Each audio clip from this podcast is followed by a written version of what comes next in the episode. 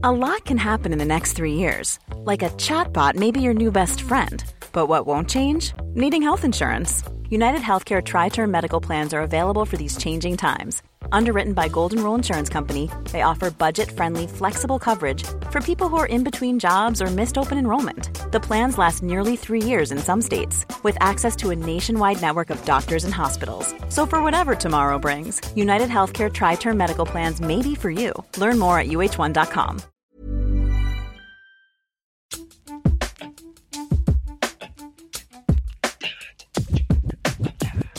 Välkomna till avsnitt 97 av Brittas och Barisas podcast.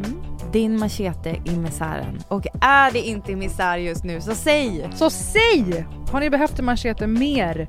Eh, vi går loss på det som har pågått den här veckan i frågan om aborter och eh, friheten att ligga fridigt Frejdigt. i debattartiklar. Och, Friheten att använda ordet frejdigt. ja, och koppla detta till såklart de ganska grova reaktionerna på att Bianca Ingrosso blivit eh, ofrivilligt med barn Ja. nyligen. Och så blir det nästan hetsk stämning kring kallpratets vara eller icke vara med anledningen av en ny HBO-serie och sen så pratar vi lite grann om hur det känns att besöka en annan stad i dessa tider. Ja, missa inte det. Missa Nej, inte det! Man fick inte.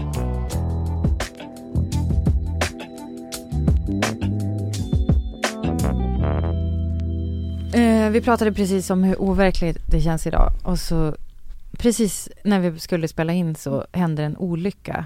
En bilolycka eller en bil som körde på en eh, oskyddad person. Över ett övergångsställe också. Ja, Och det är alltså, om vi ska förstå varför det är obehaglig dag, det är den 3 november, alltså dagen före amerikanska valet. Nu har man ambulansen åker iväg.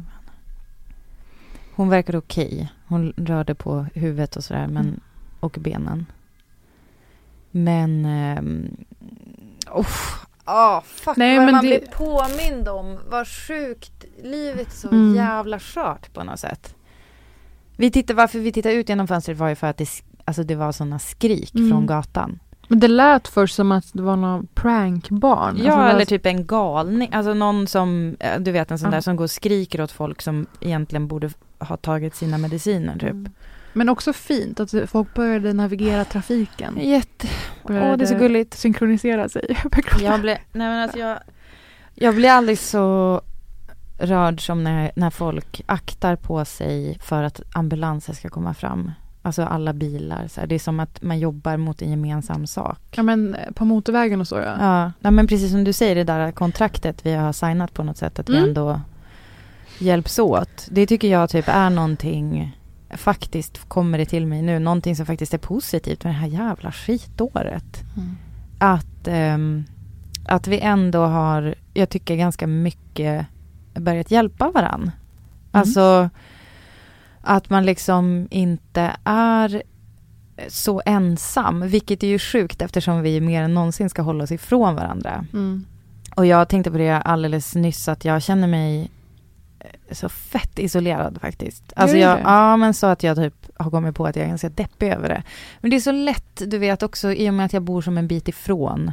Då blir det som att man kanske inte ringer till mig även om Mm. man har så en middag hemma. Men jag förstår vad du menar. Men isoleringsbiten, eh, det blir väl lika stort eh, hinder som när fåren rymde för Mm. er. Alltså det är ju en del av den livsstilen, hur ni ska axla det och Mm. hantera det. Det ska bli intressant. Fåren känns typ mer, som att de har mer happening sociala liv än vad vi har. Well, kind of. Helt ärligt. Ja. Men alltså, eh, apropå det så var jag ju faktiskt precis innan då den här skärpta eh, Precis innan de nya skärpta direktiven, Mm. eller rättare sagt tillbaka till. Vet du vad? Det, här- det här är det mest svenska som har hänt. Att Mm. de går ut och säger nu kommer vi med mycket tuffa rekommendationer. Man bara, ni var nästan där. Ja, Och du, så du hade velat ha slutar- regler. Det här kommer inte hjälpa någon. Att de går ut och säger det på det här sättet. Det är jättebra för jag tror många chefer som kunde se till att deras anställda jobbar hemifrån gör det. Alltså Mm. på så stora systematiska sätt. Jag menar med retoriken. Att den, Mm. inte, man för, den når inte fram. Och att man försöker ivra på att så här, nu kommer de tuffa nya rekommendationerna. Det Mm. landar ändå i det. Det är, Att det lite, är det är för otydligt, det är för vagt tror jag. Nej, men det var faktiskt, för jag var ju då, precis dagen innan de här började gälla så var jag i Göteborg. Mm. Och då så bodde jag på ett hotell. Och det var typ, alltså det var ju höstlov visade det sig då, för alla Mm. barn som går i skolan. Det, var, det kändes som att vara på typ ett hotell i Sälen på full, full-blown eh, höstlov. Det kändes inte så närvarande Mm. att det ens finns covid. Så att jag, jag skulle vilja eh, shamea folk. Mhm. Nej men alltså, jo men alltså, jag tycker det är så, det är så mycket med så här klubbar. Att folk går på klubb och, eller går Just ut och, och på barer och sånt. Det har lagts fokus där ja. Ja men jag för... skulle vilja säga att folk med så relativt stora barn, jag fattar att ni är svältfödda på att eh, liksom åka ställen. Mm. Men det var, alltså det var ju, alltså du vet vid frukostbuffén, det var liksom bara, det var fullt, fullt ställ. Mm. Vilket kändes jättefrämmande. Eh, och, eh, eh, men det var väldigt kul att vara i Göteborg och för, även för oss som försökte hålla oss på armlängds avstånd Mm. från folk. I Göteborg så träffade jag en person i hissen. Mhm. Och då är det ju också så här typ, får jag, alltså så här, vågar ni åka med mig i Just hissen? det. Men det var ganska stora hissar så att man kan liksom stå i varsin ände. Ja. Då var det en person som sa att hon lyssnar på podden och att hennes gäng Mm. träffas en gång i veckan och liksom pratar om vårt poddavsnitt och läser alla böcker men som vi ljuger. rekommenderar. Vet du, det här är min reaktion på alla komplimanger jag någonsin får. Jag tycker att de, Att de- det, ja, de förtjänar en shoutout Ja men de förtjänar liksom en check från någon. Om det här är sant. Men de borde, du, men fast det låter ju mer på dig som att du vill ha bildbevis. Ja men dels det. och men alltså retroaktivt, alltså då, då måste ni också visa att ni har Just en gång i veckan. Då kommer de ta massa olika med olika liksom, kläder på. Byter och kläder, ljus ja, ja. och någon klipper håret. Och... Och om de gör sig den efforten så tycker jag också att även det förtjänar en eloge. Men det som, det som jag ville säga med det här är egentligen Mm. bara att vi visste ju inte innan att de gjorde det. Mm. Eh, och det kanske fl- finns fler där ute som gör det. Så det är väldigt mysigt för oss om ni hör av er Mm. och berättar. Och hashtaggen är BP Bokklubb För till exempel. Ja. För böcker. Ja men nu var det ju böcker. Mm. Eh, så det var väldigt mysigt. Eh, en annan grej som jag har tänkt på i veckan. Jag har liksom lurat lite på ett nytt format. Klart du har. Du, du, du, ett nytt format! Okej, det kommer här. Nu för att liva upp lite grann. Mm. Vi har haft en olycka utanför. Eh, vi måste liksom komma upp lite i energi. Ja. Här kommer det. Nytt format. Upplopp inför årsskiftet kanske. Formatet Finns det något mer 2020 än? Oh, underbart! Gud, Britta, det här har något. Ja, det, eller hur att det har något? Jag tror vi kan damma av det 2021 om det blir lika pissigt år som det här också. Det kanske finns en eh, långsiktighet. Lyssna på det här, lyssna på den här, ru, lyssna på den här rubriken, alltså så här, okej, helheten är viktig. Det är en Vogue.com rubrik Mhm. som lyder Lina Dunham on directing Emily Ratajkowskis pregnancy reveal video. Åh herregud! Finns det något mer 2020 än det? Alltså det här åker ju ner i en tidskapsel, absolut. Men vet du vad, det här är intressant för jag såg att Elsa Hosk var med på- hos Skavlan nyligen som är någon slags eh, Victoria's Secret modell. Alltså mer åt sex... Inte Skavlan då utan, Aha. men det blev det, bra. syftningsfel. Elsa Hosk är Ja. inte Skavlan. Och har, haft eh, en sexy baby modell persona i 20 år. Vilket någonstans är Mm. imponerande också. Att man Ja. från 13-14 års ålder kan upprätthålla den karriären. Och i samband med hennes och Gigi Hadids, varför vet jag det här? Men då gjorde de ganska påkostade eh, plåtningar av sin Mm. mage och sådär, liksom Beyoncé för att reveala faktumet att de blivit befruktade. Mm. Eh, och det här återkommer vi till senare i Men alltså nu avsnittet. är du lite väl Nej. aspig med det. Nej, Nej, nej, jag säger, för jag, nej, för jag säger det för att jag vill betona orimligheten. Det är Mm. inget aspigt i det här. De gör detta för att avslöja att de har blivit befruktade och den stora lyckan som kommer med det och det vi var inne på förra veckan, eh, statushöjningen det ger. Mm. Att, bli, att vara moderlig och bli mamma idag Mm. i 2020. Så det är dels den falangen jag hör i det här. Mm. Dels att slå mynt av sin förlossning. Och dels då att förhöja den kulturellt. För Emily Ratajkowski Ratajkowski. hon har ju också gått från att vara en bikini slash naken modell till att bli en, en feministiskt uttalad aktivist. Mm. Också väldigt 2020 mening. Precis, och det är ju Det är ju aldrig liksom, hur ska jag säga det här? Det ryms så mycket i det här. Det är ändå sexig aktivist. Ja, fan! Det är alltid liksom med någon liten magtröja och sådär. Dunham säger i alla fall att hon ville ha, göra the opposite of a People Magazines baby announcement. Istället, men det blev ju ändå en pregnancy reveal video directad av Lina Dunham. Jag vet inte vad som är mer deppigt Mm. faktiskt. Men jag tycker, alltså jag vet inte varför jag säger att det är deppigt, men det är liksom någonting med, alltså det, det slutar aldrig vara kul Mm. i den här artikeln, fast den är ju skriven på allvar. fast jag tycker typ att det är stor humor. Mm. Dun, jag citerar. Dunham was a natural choice to direct Tarkovskys film. Så där pratar ju personen som har skrivit det här. 100%. Men alltså, vadå a natural choice? Alltså, det, jag, vad fan är det som händer i huvudet när de sitter där och så bara undrar vem som ska regissera Mm. min pregnancy reveal video. Ja. Alltså, Ja, för mig blir det ju... Eh, för mig blir det ju Lars von Trier. Kommer du ihåg hans klitorisklipparscen? Antikrist. den kommer, det kommer bli en uppföljare på Ja. den. En remake på det, fast hela min vulva tack. Eh, Min trea kommer regisseras av Michel Gondry. Mhm. Alltså vem vet, det kommer in lite papier-maché och, Ja. och eh, kanske så här lite LSD. Mm. Kanske är lagligt att, att ta svampar inför förlossning av barn nummer tre om 20 år. Ja, Ja, man kommer kunna föda barn då också. mm. ses då. Ses då. Eh, en annan grej som har hänt i veckan är att jag har hittat en li- ny liten HBO-juvel. Mhm. John, How to with John Wilson. Hey, New York. HBO is having a hard time uh, explaining what my show is, uh, so I, I just figured that I'd just try to do it myself. Usually, the host of a TV show is uh, right in front of the camera, and you can see exactly where the uh, voice is coming from, which I guess people like. But in my show, you never really see the host. And that's because I'm actually behind the camera the whole time, uh, filming everything you see. It's kind of like that show Planet Earth, uh, but if it was only in New York and uh, David Attenborough was forced to film everything himself. So stick with me. Vet du vad? Inte en enda association. Nej. Alltså det här händer mig ganska sällan, så jag blev jätteglad Jag blir nu. så glad Ja. Ja. Jag, jag, jag har inte någonting på lager. Vet du varför?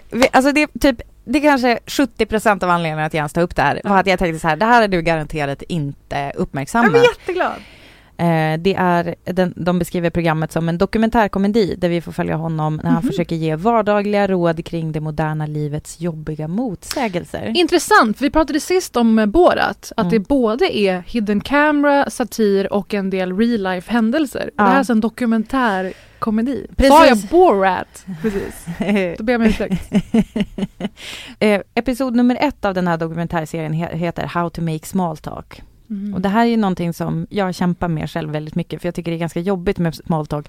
Säkert har ju sagt det här väldigt bra i eh, sin låt eh, Allt flyter. Mm. Eh, om hur jobbigt det är att prata ytligt med folk, att man liksom vill gå på djupet direkt och sådär. Eh, och Eller helst här, inte. Ja, alltså ho, ja, eller vad då? Helst inte prata alls, tänker du? Ja, det Hej, hej då. Paris Amiri. John Men Wilson. jag menar bara att varför det är obekvämt det är för att man inte alltid har en relation till personen. Men förväntas stanna. Ah, hej personen jag träffade på en middag för sex år sedan. Hur är det med dig? Ja, jag vet ju ingenting om dig. Så det här är ju en märklig konversation. Men du kan ju ta reda på det, alltså det är ju det som är grejen. Jag, det här är ju kul, är för här är ju du och jag på varsin ända av det här. Mm. Jag vill ju veta mer om den personen, jag vill Alla ju på helst jorden. prata. Jag tycker typ att, ja, jag, jag, jag utgår ganska mycket från att alla har något intressant att berätta. Det kommer bli din död. Du sitter och skakar på huvudet. Ja. Eh, och John Wilson, han kämpar ju med det här att överhuvudtaget kanske give a fuck, som du är inne på, tror jag. Eh, eller han, hur han kan eh, make small talk eh, med sin tjej i ett Mm. sammanhang där han kanske ska få tillbaka de grejer han har glömt hos henne Aha. efter att de har gjort slut. Det, alltså det låter ju hittills kanske ganska tråkigt då, att det är en snubbe som liksom går och filmar och eh, inte gillar att kallprata och sådär. Men det blir ganska kul, dels när hans AV-personlighet liksom studsar mot lite mer färgstarka karaktärer. Eh, det blir väldigt kul när han råkar, alltså i, i liksom en tanke att han ska komma bort lite grann, Mm. råkar crasha ett hotell där de spelar in MTV Spring Break. Åh. Men förstår du för en socialt missanpassad människa hur, exakt hur jobbigt det blir? Och det blir ja, faktiskt bara roligare och roligare. Men det här är ju de bästa personerna jag vet. Det här är ju för mig Larry David, skaparen av ja, Seinfeld. det, är väldigt, det bär väldigt mycket... Som också ska vara Likheter. George Costanza i Seinfeld. Mm. Eh, och så, ser ni nu vad snäll jag var med referenserna? Mm, du, Ska för, försöka du beskrev noga. Ja. Eh, det blir, ja men som sagt, det blir väldigt kul när han, när den då, den här personen liksom studsar mot lite mer färgstarka karaktärer. Jag tycker att vi kan ta med oss lite ehm, visdom a- kring relationer från Ah. en, en resebyråmänniska som han då ut, börjar träna på att Mm. prata kallprat med.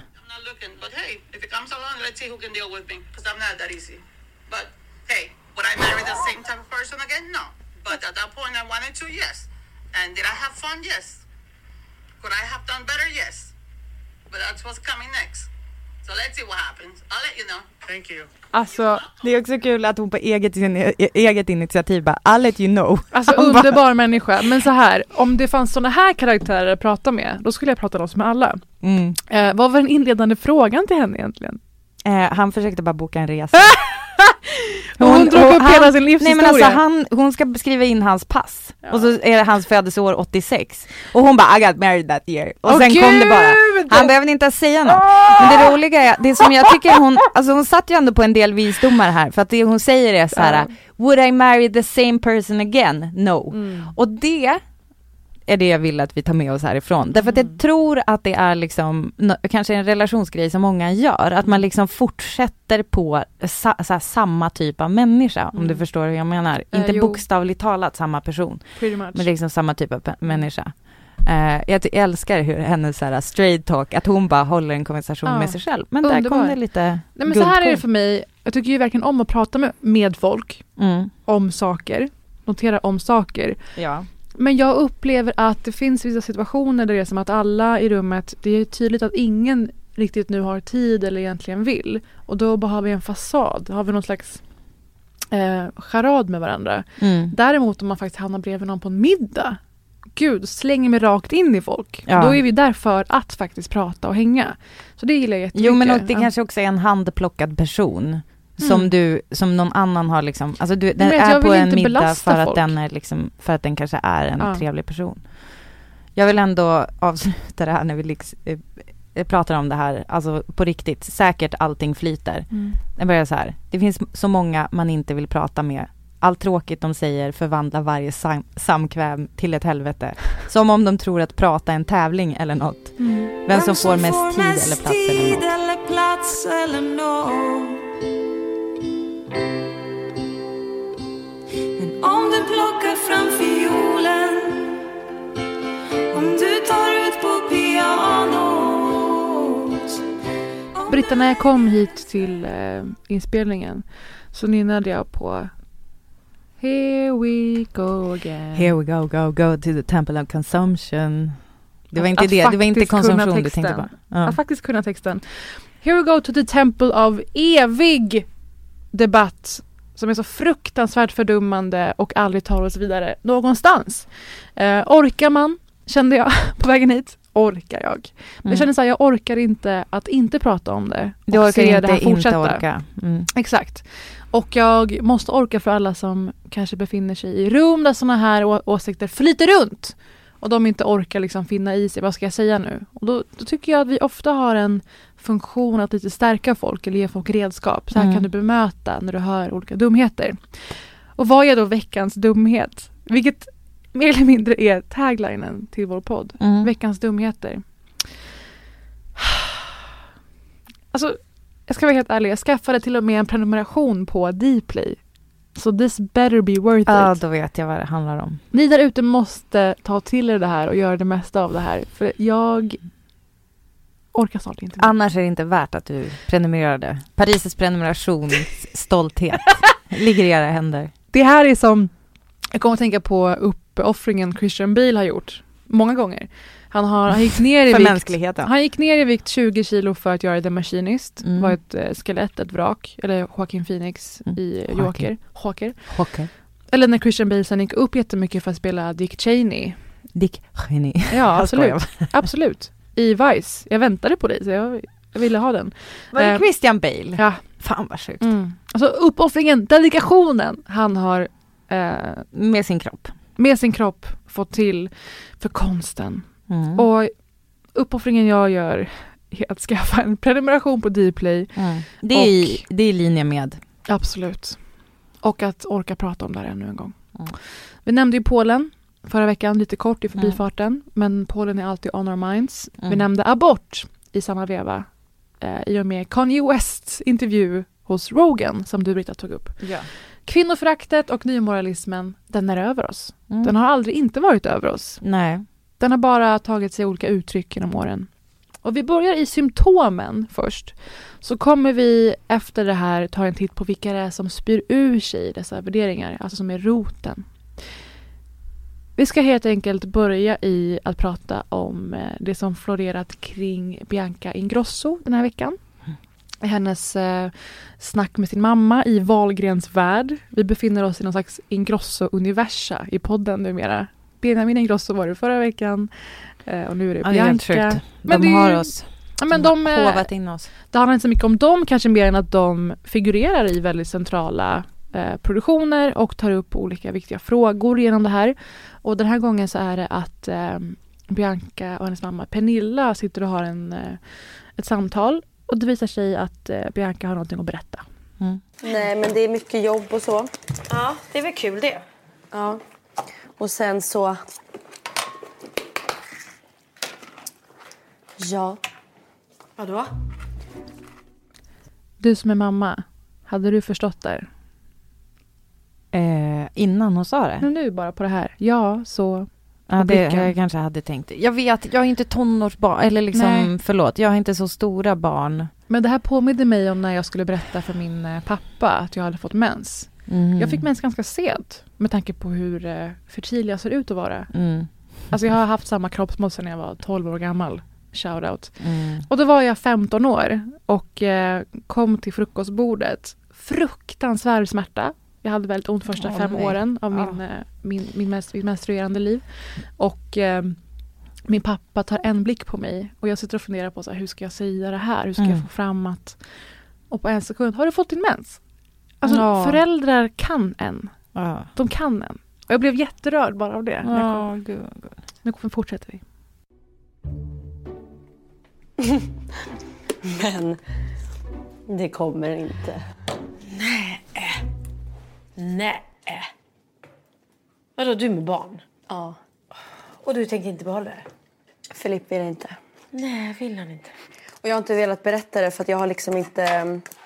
Jag har inte bestämt mig och då vill jag ju inte att första ska vara så här. Men han vill verkligen inte. Nu.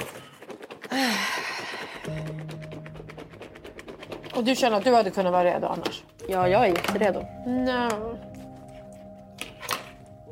Tidigare gånger så har jag ju tänkt bara att nej men gud, nu måste jag göra en abort. Direkta tankarna var liksom, shit nu händer det typ. Det var första gången jag blev glad. När? Över att jag var gravid. När då? Nu? Ja. Jaha, men gumman. Jag måste pausa lite. Det är så mycket att ta in bara Mm, det är så redan. mycket. Mm. Ehm, jag tycker det är jättefint att Pernilla förstår. Apropå det här att föräldrar kan en. Mm. Och sen det här med att vi kommer mer till det, men att hon berättar i det här programmet om att hon i detta nu står inför att eh, göra abort. Det är ju banbrytande på något sätt. Men Ja, fan alltså, vad är hon det- utsätter sig för saker. Bianca. Precis. Man vill, jag vill skydda henne. Jag vill också skydda henne. Varför är det så? Är det liksom en översiktlig tanke? Nej, det är att du och jag vet hur illa det ser ut där ute. Men är, spelas det in i realtid? Det här är inspelat i maj. Ja, okej. Så förmodligen, eller då vet vi ju att hon redan har gjort en abort. Så det fick mig också att inse att när hon eh, var med hos mig i kvartssamtalet Mm. Då var det efter en månads lång paus. Mm. Vilket jag trodde var att hon har jobbat jättemycket under våren. Mhm. och då visade det sig att det är den första medieproduktionen eh, hon hade gjort på ganska lång tid. Och då förstår man ju varför hon var så öppen som hon var i den intervjun. Mhm. Också rörande. Men om vi bara pausar här. Här vet vi att hon har blivit med barn, berättar för sin mamma och eh, det är hennes pojkvän då, Mm. Filip, som inte vill. Och det är ett intressant scenario. Hur Verkligen. man ska förhålla sig till det. Mm. Så här säger de. Eller alltså, ja, jag måste ju göra abort. Måste måste du inte för det är ditt val, det är din kropp liksom. Och... Samtidigt så, så är det förstås ett gemensamt beslut också. Ja, men jag stöttar dig i vad du än, vilket beslut du än tar, det vet du. Ja, men det jag är rädd för om Bianca gör abort det är ju att hon ska ångra beslutet eller tycka att det, det jag säger till henne att du måste ta beslutet själv. Du kan inte säga men jag gjorde bort för Filip kände att vi inte var redo. Du måste känna själv i sådana fall, "Nej, jag är nog inte redo. Om vi bara stannar i den här, det här samtalet. Mm. Först känner man, jag känner inte att det här är ingenting man borde berätta om i det offentliga. Vi behöver veta mer om hur kvinnor lever och de villkor som finns och de erfarenheter kvinnor har Mm. och normalisera det. Mm. Däremot så blir jag ju orolig för Bianca personligen. Mm. För att vi i. Sverige har på senare år fått en allt grövre ton mot kvinnor och kvinnors val i offentligheten. Ja, alltså Bianca är ju redan en ganska hårt ansatt person gällande sitt typ utseende. Alltså så här hur hon, att hon bara finns i det offentliga rummet. Hon är där Mm. med, med sin kropp och då är hon tydligen lovligt byte för diverse eh, människor som sitter hemma vid tangentborden. Och eh, det, jag, jag har känt mig liksom nervös över hur hon ska bli attackerad. Mm. Eh, det, och det har hon ju blivit. Liksom. Ja, men jag tycker att eh, Pernilla ehm, är väldigt fin mot henne i den här stunden. Pernilla är jättebra. Alltså För jag, att hon jag, markerar att, för jag, jag blev ganska ställd först att hon ens berättade för ehm, alla att det är hennes pojkvän som är en del av beslutet. mm, För då tror jag man lite demoniserar den man lever med. För att det är så, som sagt, tongångarna och moralen går. Ehm, hur menar du då? Alltså, nej men att det är ett eh, på något sätt dåligt beslut, negativt beslut med abort. Och att man då lägger skulden på honom. ja men alltså vadå, du tror inte att hon längtar efter barn? eller? Jo, jo, men det jag säger är att i och med att hon berättar att det är han som ligger i beslutet Mm. eh, så som att berätta för allmänheten att det är han som ligger bakom det. Och, Han är böden typ. och tongångarna går mer och mer mot att, ni, att det skulle vara någonting eh, eh, problematiskt med abort i vårt samhälle. Eh, så det tycker jag var intressant och jag förstår att det måste vara supertufft. För då börjar man tänka, man pratar ju alltid om att det är kvinnans val och sådär. Men det är ganska tufft att få barn på egen hand. Så klart att man lägger in det i sitt beslut. Eh, Mm. Hur kommer eh, det här barnet växa upp? Ja, precis. Och ehm, även om det är hennes eget beslut så är det ju svårt att tänka bort vad en person, alltså som man lever i en relation tillsammans med ändå. Mm. Ehm, vad den personen tycker och ehm, om, om man vill att ens barn ska växa upp med en pappa som kanske inte vill ha det Men barnet. vetskapen om det själv Ja. kanske bara även. Precis. Så det är intressant faktiskt, den dimensionen. Den är jätte- den är inte så väl eh, diskuterad. Nej. Jag, jag vet inte hur jag skulle ställa mig till det. Jag skulle nog bli ganska heartbroken. Även om jag skulle känna att det vore en viss lättnad att få veta det snarare än att ana det Mm. för alltid. Så. Mhm, mm.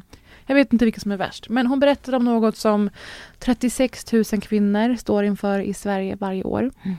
Att eh, avsluta en graviditet. Mm. Som jag tycker om att formulera det Mm. istället. Eh, och Pernilla, även om hon markerar att det är din kropp och sådär och att hon kommer stötta henne så har ju Bianca redan bestämt sig här. Så då kan vi förstå att det här har skett för mm, ett halvår sedan ungefär. Redan. Mm. Så när det här släpptes så blev det en hel del reaktioner. För det här är ett inte ännu släppt avsnitt men finns för prenumeranter på detta Dplay Mm. och eh, En av dem heter Parita, Paris Amiri. Parita Amiri. Parita Amiri. Det, vi har lagt ihop våra namn. Mm. Eh, det är intressant. Jag skulle vilja se siffror på hur många det var förutom du. Säkert ganska många. Och i och med, jag fick veta det här och kände väldigt fick ont i hjärtat för att det är en jobbig sits i en relation och i ett liv överlag, överhuvudtaget. Eh, och sen så nås jag av en Facebook-post. Och det är ju inte ett underlag för svenska folket. Det är inte det bästa genomsnitt för hur eh, bildad eller välment gemene svensk är. Långt ifrån. Menar du Facebook när Ja. du säger det? Ja, okej. Mm. Antitesen till. Kommentarsfälten på Facebook kan ju Nej. inte få vara en gallup på eh, hur, hur mår folk där ute egentligen. Men, Men. i och med att det är på en publik yta så sprids ju åsikter därigenom. Vi har Mm. snackat om det, hur olika rörelser mobiliserar sig för att det ska se ut som att det är jättemånga som tycker en viss sak på Mm. forum. Så vi vet ju om att det är Verkligen. en effektiv yta. Mm. Och när det är så att det är L som har postat det här och de har gjort det vä- väldigt neutralt. Eh, stöttas efter tuffa beslutet, hjärta. Och en Mm. länk till en artikel om det här då, faktumet att hon blev med barn. Mm. Och eh, berättar att hon ska göra abort. Mm. Under det här så är det så vidriga kommentarer att jag faktiskt blev ganska rädd för Mm. vad som håller på att hända. För, alltså, man kan ju se några enstaka galningar här och där men det är så pass utbrett och så många unga tjejer också. Alltså jag, eh, vet vad jag gjorde? Jag, jag kände så här, åh herregud. Eh, alltså skydda Bianca Ingrosso kände jag Mm. för första gången i mitt liv. Och så gick jag in och kollade i hennes kommentarsfält för att se eh, hur illa det var. Jag håller med dig om att vi absolut ska prata om den här typen av saker. Jag tycker också att det finns ett värde i att prata om just sådana komplexa situationer Mm. som att hon kanske vill ha det här barnet men hennes kille vill inte.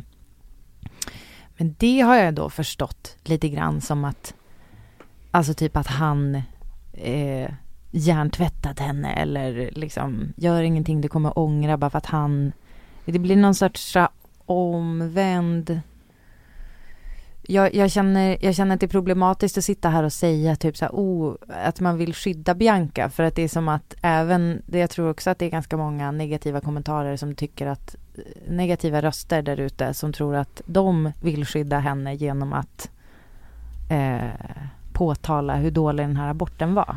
Ah, alltså det är nog ganska välment tolkat. Om jag kollar här och bara på de olika kommentarerna som finns. I bästa fall så är det Mm. bara någon slags grumlig, hur tänker han egentligen? Mm. I de allra flesta fall är de negativa kommentarerna riktade mot att hon skulle vara oansvarig, att hon skulle vara på något sätt en vidrig, dålig människa, Mm. att hon använder abort som preventivmedel, Mm. att hon borde ha tänkt på det innan hon särde på benen, Britta. Och, är, det, är det en Ja, ja. kommentar som finns? absolut, Alltså? ja, i massor. Det 20, står 20. även, ehm, men mycket så här, ta konsekvenserna, ta ditt ansvar, tänk på barnen, fy, fy fan vad vidrigt. Tänk på barnen vadå? Alltså My- det är ju exakt sånt. det hon gör. Väldigt mycket sånt. Och då blir man väldigt orolig för det är både från eh, favoritgruppen att analysera, äldre kvinnor med tillgång till internet, vars liv går ut på att moralisera och eh, vilja trycka på kvinnor, kanske det lite inrutade mer normativa fängelse de har vuxit upp i. Mm, verkligen. Och det är också de, enligt en empirisk undersökning som går ganska hårt åt hennes utseende och liksom Ja. eventuella operationer och så vidare. Tar sig friheter. Mm. Eh, spekulativa Mm. operationer, de har inte skett. Eh, och så är det väldigt mycket, och det här gjorde mig ännu mer orolig, väldigt mycket unga kvinnor. Och då undrar man ju, håller Sverige på att bli ett lågbildningsland? Alltså vad, hur har de här åsikterna fått fäste? Vad menar du med lågbildning? Abort är mord. Har det stått i, ma- i massor Mm. från unga kvinnor på internet. Och där eh, trodde jag vi var överens för länge sedan. Ja, men det finns var- ju, man, kan ju, man kan ju vara utbildad fast ändå, eh, det, finns väl en, det finns väl ändå en liten Men inte i de här frågorna är man då Nej. inte utbildad eller bildad. Nej, precis. Nej, men alltså, det finns väl en liten sträng av eh, liksom folk som är kristna. Va? Jag tolkar Alltså det här som, som, eller så här, förlåt. framförallt från väldigt icke-religiösa men ändå konservativa håll. Att man försöker begränsa kvinnans rättigheter och friheter och att man ändå ägnar sig åt väldigt mycket skuldbeläggande och skambeläggande av kvinnor. Och skuld och skam, det är ju hederskultur. Så Mm. det är någon slags icke-religiös svensk hederskultur som de här grejerna går under. Det är folk med mycket svenska flaggor i sina profilbilder. Men de är inte kristna för det. jag, vill, jag vill bara vara väldigt tydlig med, för Mm. det här är så känsliga saker. Man kan, man kan, de, väldigt många kristna är ju ändå för fri abort. det är ju också i Sverige tillåtet med fri abort. Vi har bestämt tillsammans att det är någonting man får göra. Mm. Eh, så de som hoppar på henne och försöker göra det till då en Mm. moralisk fråga är ju då Innan- emot svensk Alltså lagstiftning. innan du särar på benen. Det är så tydligt där. Alltså, det Inte innan han stoppar in kuken och kommer i henne. Nej men det var några som hade skrivit Absolut, det. det alltså också. att han borde liksom ha tagit Absolut sitt det ansvar. också. Men framför allt så är det kritik mot henne för hon borde ändå ha behållit det. Även om han skulle ha tagit sitt ansvar eller inte. Mm. Ja. Jag blir så fruktansvärt frustrerad över eh, alla som är eh, pro-life. Att det är att man förutsätter att det kommer vara ett bra liv för det här barnet. Mm. Att, alla, alla, att alla barn på något sätt till varje pris förtjänar att få finnas. Oavsett vilka jävla omständigheter som helst som de skulle då eh, Mm. växa upp i. Jag tycker att alla barn förtjänar att bli längtade efter. Next level är att, men det, hon, hon säger det rakt ut, de tidigare gångerna. Om du plockade upp det. Mm. För hon har gjort abort förut. Mm. Hon är 25 år gammal. Det här kanske är hennes fjärde abort. Och hon fick göra två aborter på en graviditet en gång. För att det inte bet så att säga. Mhm. Ja. Eh, och här kommer jag igen till, det ska inte påverka om vi tycker att det är rätt eller inte. Att det är okej eller inte. Det, jag var inne på, jag pratade med dig innan, att det är som eh, hbtq-frågan. Vi har eh, präster som är öppet homosexuella. Mm. Då måste det vara okej oavsett hur många de är. Man kan inte efter tre, fyra känna så här, fast nu vet jag inte.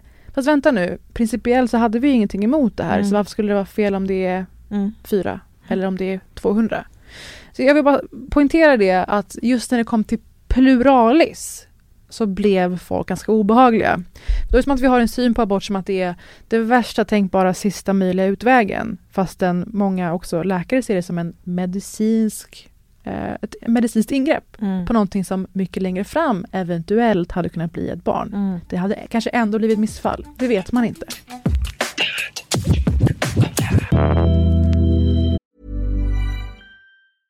Cool fact a crocodile can't stick out its tongue. Also, you can get health insurance for a month or just under a year in some states. United Healthcare short term insurance plans, underwritten by Golden Rule Insurance Company, offer flexible, budget friendly coverage for you. Learn more at uh1.com. Men som med allt annat så uppstår inte sådana här saker i ett vakuum. Mm. Den här vågen av eh, den här vågen av eh, moraliserande och obehagliga åsikter kommer inte från ingenstans Nej. mot just Bianca Ingrosso. Hon är bara för folk en eh, person som det är lätt att applicera sina sunkiga värderingar på. Mm. Och en väldigt tydlig person i att piska upp den här stämningen är någon vi återkommer till gång på gång i den här podden. Det är Lisa Magnusson på DN. Du suckade Britta. Mm. Men därför att Lisa Magnusson historiskt har eh, ehm, uttryckt sig eh, liksom på något sätt haft lite skygglappar kring eh, eh, skygglappar mot kanske ska vi slarvigt säga patriarkatet och istället går rakt på kvinnorna på något sätt. Ja, så den 20 oktober skriver Lisa Magnusson en text med rubriken Det sexuella citationstecken självförverkligandet har kostat alldeles för mycket. Och redan där anar man Är det här mitt favoritämne som hon går loss på? Redan där anar man att det kommer bli magsår av denna text. Så det är en kuslig timing. Är det en slumpartad timing? Nej, för det här är som sagt åsikter som eh, florerar i samhället. Att Bianca får den här obehagliga reaktionen och att någon på ledarsideplats spyr ur sig saker som jag ska komma in på nu. Jag tänkte lyfta ut några stycken ur den här texten och bara genom, med dig gå igenom, stämmer det här för det första? Mm. Eh, och vad menas och vad, vad tycker vi? Vi börjar med första. Hon börjar så här. Jag har länge kallat mig själv sexnegativ. Jag har aldrig förstått det där projektet som går ut på att göra liggande till vilken kul syssla som helst. Än mindre att kvinnligt självförverkligande blivit synonymt med att fridigt ta för sig av männen utan att fästa sig vid någon särskild. Se så obrydd jag är! Det här betyder verkligen ingenting för mig! Är det så, Britta, om vi börjar där, att kvinnligt självförverkligande är synonymt med att ta för sig av männen. Åh, herregud.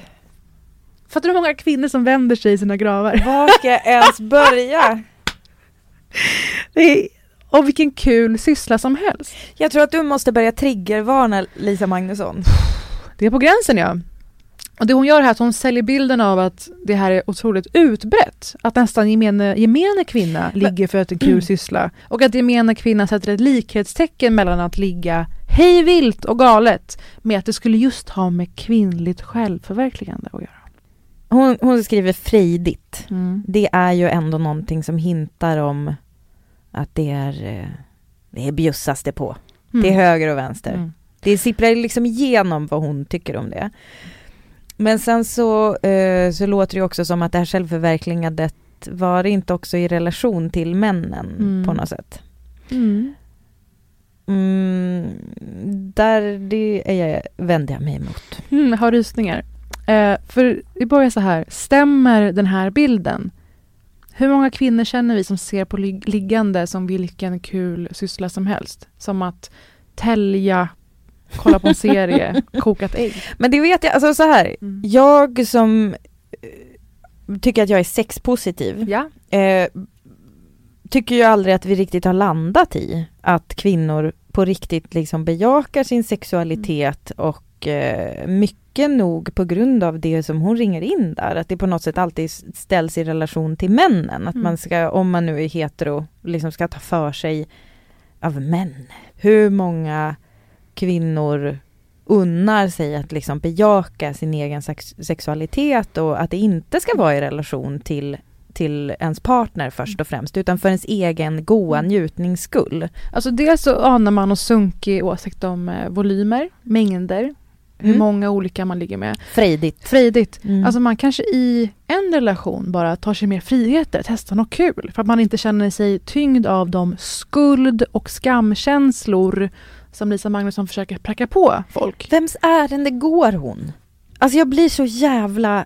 Vem betalar henne? Ja. Eh, Så dels där har hon, har hon fel.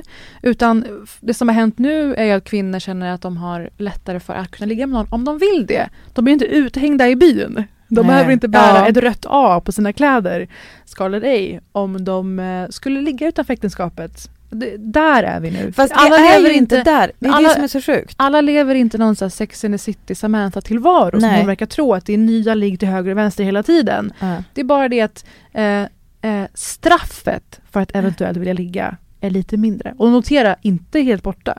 Det förekommer ju fortfarande problematik. Verkligen, det är det jag menar. Alltså vi, det är som jag brukar säga, jag borde hitta en term för det här, Mm. men vi har, aldrig, vi har aldrig landat i det som borde vara normen. Vi har aldrig landat i det innan folk ska liksom börja problematisera det. Alltså att det, att det är, hon börjar ju problematisera Mm. en bild av en kvinna som jag ännu inte tycker, vi är inte där. som vi, inte är inte chill, vi är inte chill med att kvinnor ligger på sina egna villkor. Inte ens det, och sen inte heller det som hon beskriver, att det skulle vara till höger och vänster, hej vilt, när som helst. Stycke nummer två av fem utvalda i Lisas text.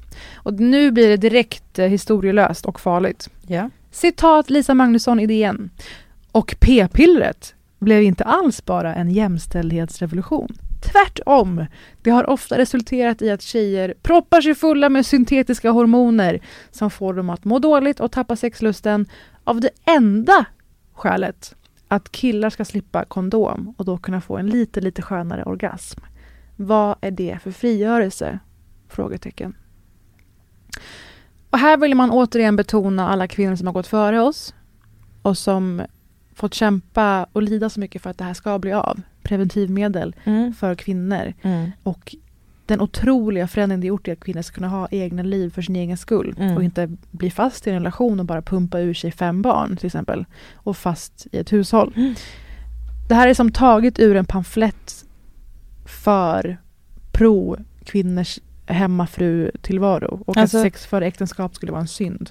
Hon får det låta som att p-piller är någonting man poppar på väg till en sexorgie och jag skulle snarare vilja säga att p-piller är ju kanske mer än ett sätt för kvinnor att ta makten. Mm.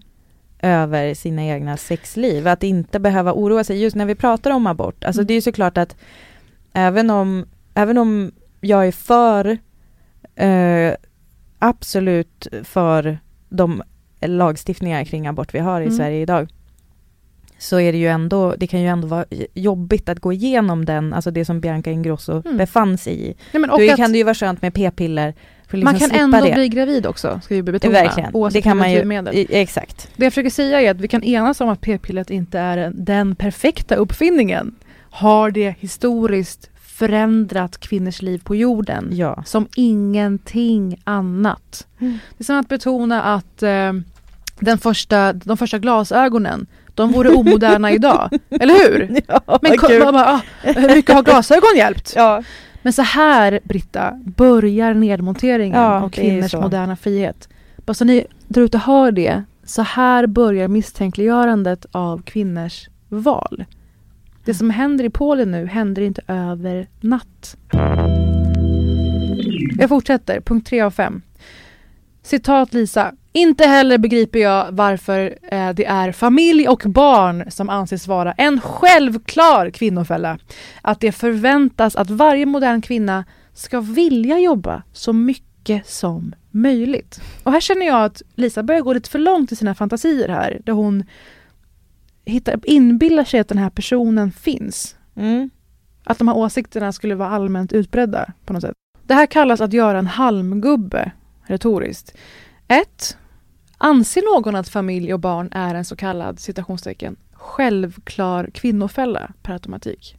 Nej, jag, tror jag tror att vi särskilt i Sverige vill se oss mer jämställda än så. Och vi har många fler system runt det. Vi har mammaledighet, vi har regler kring man får bli sparkad från jobbet. Vi har so saker som stimulerar dela på ledigheten.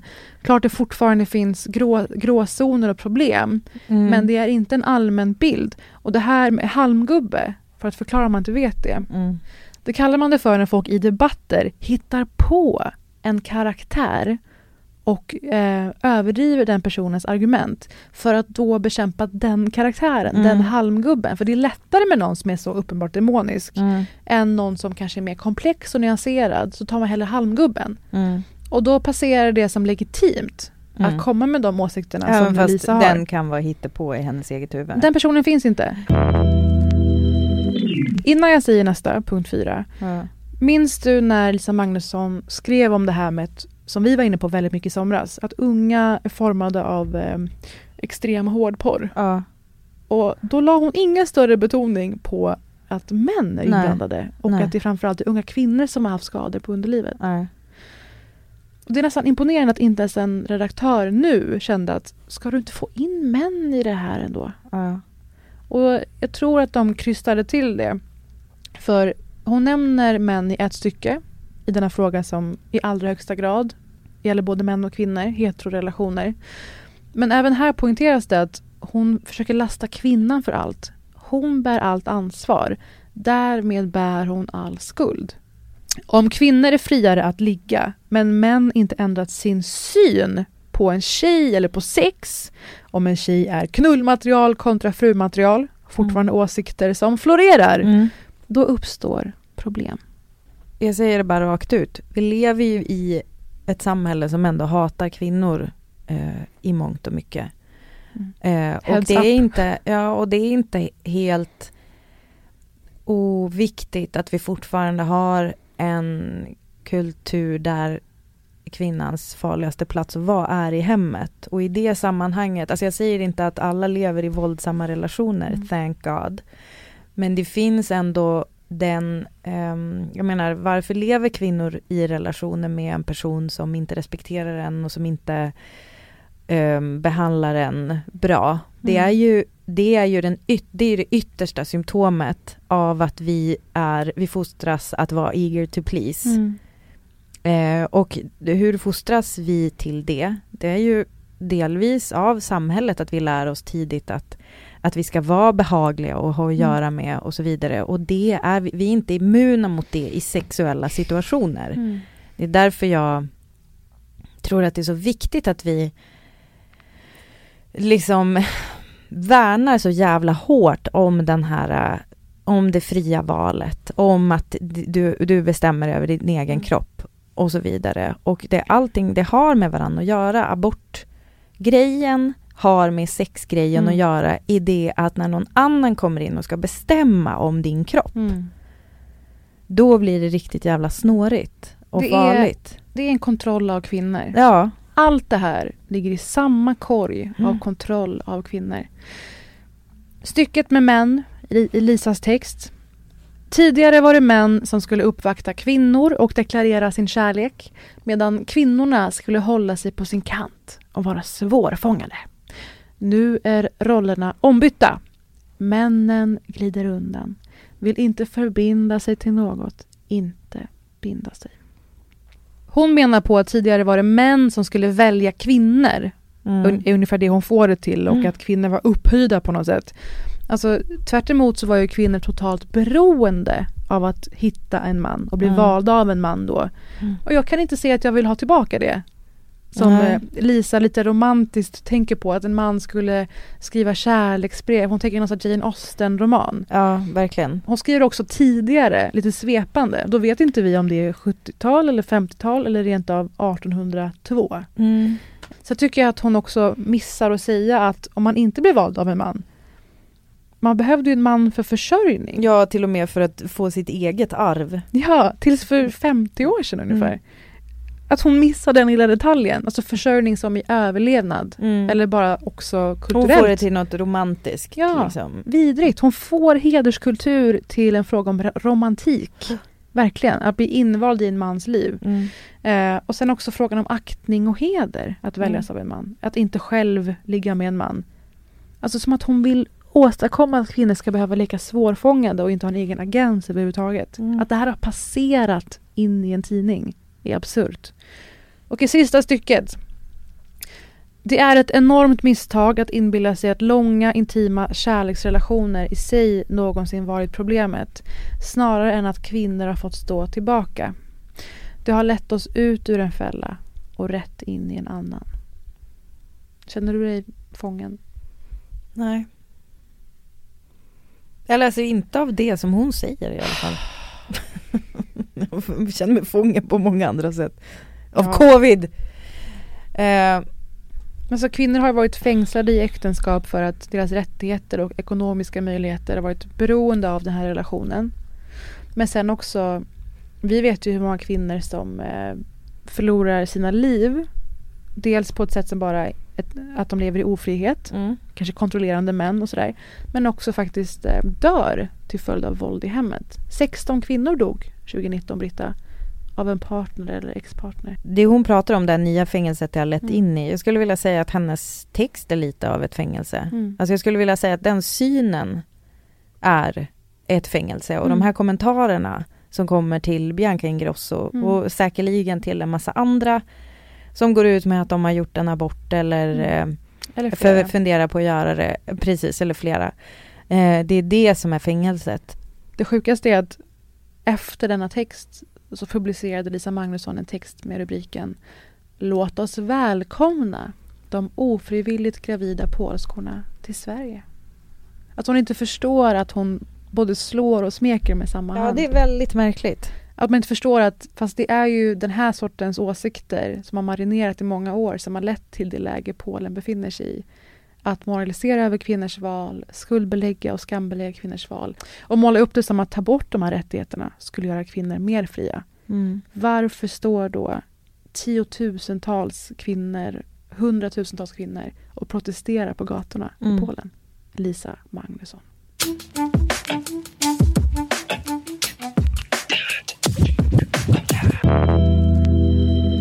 Jag vill också säga det bara så att jag har det sagt.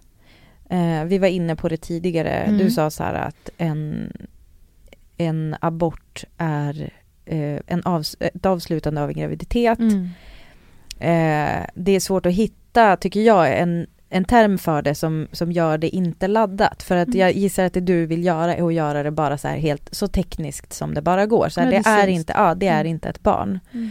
Ehm, samtidigt så tror jag att som jag då som har varit gravid eh, och fått barn. Jag, för mig är det som ändå lite, det är som så här, ja, det är ju om, om man liksom har fått barn Mm. så, så vet man ju vad det kan bli. Alltså för mig så är det en, det är din idé om vad du vill att det ska bli Mm. som, är, som avgör vad det är. Mm. Om du tycker, för vissa är ju gravida, alltså känner typ direkt de blir gravida Mm. och börjar liksom bilda sig en uppfattning om barnet i vecka sex, inte vet jag, och pratar om det som sitt barn och så här. Ni har all rätt till det. Mm. Samtidigt som en person i Sverige har rätt att göra abort fram till, vadå, vecka 18. Och det har du rätt till och, och inte se det som ett barn. Och inte tänka att det är liksom någon som du vägrar ett Mm. liv och så vidare. Jag tycker att det är väldigt viktigt att göra den distinktionen att det är liksom kvinnan själv Mm. som bestämmer, när du bestämmer att det är ett barn, det, det är då det är ett barn för dig. Jag, jag tror att man måste också separera sina egna tankar om, alltså för jag tror, jag tror att det finns många som har fått barn, som tänker då, alltså som Kanye, Mm. om vi tar Kanye som exempel igen, Mm. alltså att han bara, tänk att jag nästan mördade mitt barn. Ja. Nej men det gjorde du inte, för Mm. att då var det inte ett barn. Nej men lika så ofrivilligt barnlösa som inte ens har fått ett embryo att fastna eller bli befruktat. Även de lever i hopp om ett barn. De går Mm. och drömmer om sina barn, de går och Precis. fantiserar om sina barn. De Mm. vill det, de vill Mm. komma dit. Så klart att det, det existerar i ens eh, framtidsbild Precis. eller vilja om livet. Det är, svåra, alltså det är en svår fråga det här. Jag tycker att det är svårt att prata om det utan att eh, trampa på eventuella ömma tår. Eh, men jag, jag tycker att det är så, så viktigt Mm. att varje kvinna känner liksom äganderätt till sin egen kropp och sina beslut rörande denna kropp. Och det är inte bara någon platt girl power-sidning. Ni måste förstå hur det är en slippery slope. Att det, men att det går så snabbt från att det börjar odla sådana här äh, misstänksamheter Mm. till vad det kan ta sig uttryck i. Och det är det jag försöker säga att det är historielöst. Mm. Kan vi inte snälla någon gång ha med oss någonting från historien? Mm. Eh, och i det här så vill jag bara poängtera att på DN skriver också Kristina Lindqvist som är en av mina så här, sunda röster i offentligheten som Mhm. jag alltid vänder mig till. Eh, hon är verkligen lysande. Hon förenar liksom perspektiv med skärpa och humanism. Hon sviker inte i de värdena. Mm. Och hon har eh, historien med sig, Mm. alltid. Och hon skrev ett svar till Lisa, den sexuella ofriheten ödelägger kvinnors liv. Där hon dels tog upp det här som vi sa, om att eh, kvinnor faktiskt far illa i relationer. Att vi fortfarande lever i patriarkat på så sätt att det pågår Mm. i stor utsträckning. Och inte bara de här som dör, utan som år efter år lever med samma person Mm. eventuellt. Typ Karina Bergfeldts eh, sommarprat som berättade om hur hennes eh, pappa Just det. våldförde sig på mamman under hela hennes uppväxt i princip. Mm. Och hur systematiskt det var. Och Kristina skriver också, har folk verkligen glömt hur det var? Jag säger glömt, trots att ingen av oss som nu debatterar har levt i ett Sverige utan abort och preventivmedel. Där våldtäkt inom äktenskapet var lagligt och där homosexualitet betraktades som en sjukdom. Eh, och hon hela tiden återgår till hur det har varit för att ge Mm. folk perspektiv. Mycket mer djup och nyanserad och rik Mm. i sin bild än vad Lisa ens vill vara, tror jag. Ehm, Kristina Lindqvist poängterar igen den som vill se detta i realtid kan blicka söderut mot Polen där snarare nu dras åt kring aborträtten. Där talar kyrkans män om regnbågsflaggan som en smitta. Och allt fler medborgare bor numera i städer som utropats till hbtq-fria zoner. Det här är inte långt borta, alltså varken geografiskt eller vad som är möjligt att hända i ett samhälle på kort tid. Ja. Jag tycker att eh, även om vi kan fira eh, framsteg så tycker jag också att det är så jävla viktigt att vi också bokför alla bakslag. Ja. Eh, för att just nu, jag vet, jag vet inte om vi faktiskt slutar på plus. Eh, när, man, när man eh, subtraherar liksom alla eh, olika eh, så här, onödiga debatter som det Mm. känns som att vi har nu. Alltså varför diskuterar vi ens det här? Varför är det ens, alltså, varför är det ens ett issue? Varför, varför ska folk ens ta till orda Mm. när Bianca Ingrosso överväger en abort? Mm. Och det är, ju, det är ju ett tecken på att den friheten är hotad. Och att vi måste med näbbar och klor försvara det, det är för att vi, det, det har i flera europeiska länder Mm. det senaste året, de senaste åren blivit en tillbakagång. Mm. Eh, det, det är så det är. Och vi har inte råd att bara luta oss tillbaka och tänka att i Sverige är vi så jävla liksom, jämställda och vi har det så bra. För det har vi inte. Alltså, vi har det bara på grund av att vi tycker att vi ska ha det på det här viset. Och nu verkar det som att vissa människor tycker att vi ska ha det annorlunda. Jag vill bara säga som en strimma av hopp här. Eh, att faktiskt eh, li, liksom lite otippat skulle jag vilja säga, för jag tycker att eh, eh, Storbritannien, eller som du brukar referera till det, the United Kingdom, Mm. Queens England, ehm, de brukar ju oftast kännas som ett ganska liksom, konservativt och bakåtsträvande land på många olika sätt. Mm. Jag vill bara säga, apropå aborter, så har ju de, ehm, för det är en så, sån sak som också har drabbats lite av covid, alltså att folks aborter ställs in för att, eh, ja men helt enkelt för att till exempel sjukvårdssystemen är för, eh, har för mycket att göra och så vidare. Då har man i eh, Storbritannien använt sig av typ telemedicin, alltså att man på distans på något sätt liksom kan göra abort. I, alltså, ja, fråga mig inte hur det Ja, funkar. med abortpiller. Ja men typ, men att det liksom ändå är monitored Mm. av en eh, läkare eller så.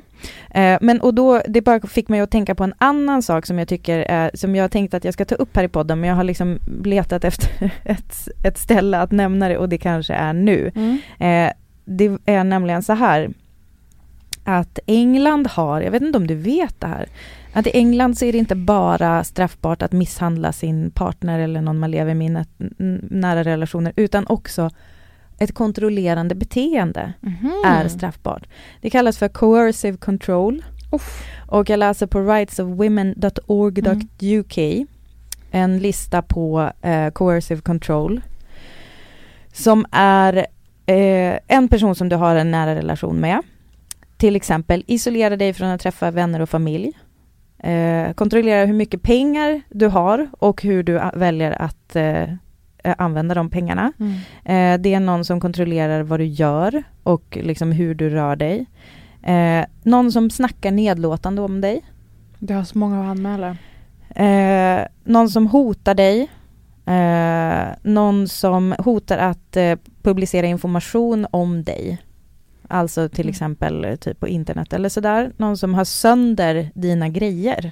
Men gud vad intressant, Ja, för det är ju det också ett sätt att skrämma någon och Det kontrollera är ju någon. ett sätt och förmodligen så har, jag gissar att man har också sett att det här kanske är förstadiet till att Mm. sen slå. Ja, gud ja. Polisen la upp ett klipp ganska nyligen med en kvinna som eh, sa...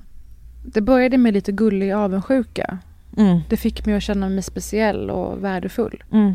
Och det var så bra att polisen tog sig den tiden att göra ett klipp som eh, manifesterar att det börjar i sådana tecken. Det kanske kommer till det du beskriver. Mm. Innan det blir sånt som lämnar märken på kroppen. Mm. Och det här är ju också ett beteende, alltså vi pratar om att kontrollera kvinnor och så här. Det här, det här är ju också ett sätt att göra kvinnor ofria och Mm. vad intressant va, att där har Sverige någonting att lära sig av Storbritannien gällande lagstiftning. I know right. Och nästa vecka så kanske det har hänt ännu mer efter amerikanska valet. Mm. Vi har ju lilla klippet som eh, förtäljer våra snabbreaktioner Mm. från tidigare i veckan på hur det gick. Det vet vi inte nu för det är ännu tisdag. Spännande tycker jag. Och oroligt. Eh, vidrigt spännande skulle jag vilja säga. Det borde finnas ett ord för när det är spännande fast det är obehagligt. Mm, det kan jag tänka mig finns. Ja men vilket är det då? Kusligt. Ehm, och eh, tack för att ni lyssnar. Vi finns på Britta och Parisa på Instagram. Ska ni ve- faktiskt veta. Det är bra tryck. Det ska ni veta. Ja, det är bikt efter avsnitten. Det är det roligaste jag vet. Det är bra.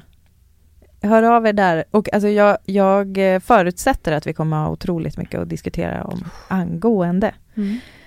Så hör av er Hör med era reaktioner, inte bara på detta avsnitt utan även på hur det har gått i amerikanska valet och alla reaktioner ni har sett. Kanske Mm. utspel. Mm. Mycket utspel. Mm. Ja.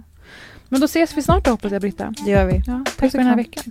Ha det Hej. bra. Ha det bra. Ha det bra.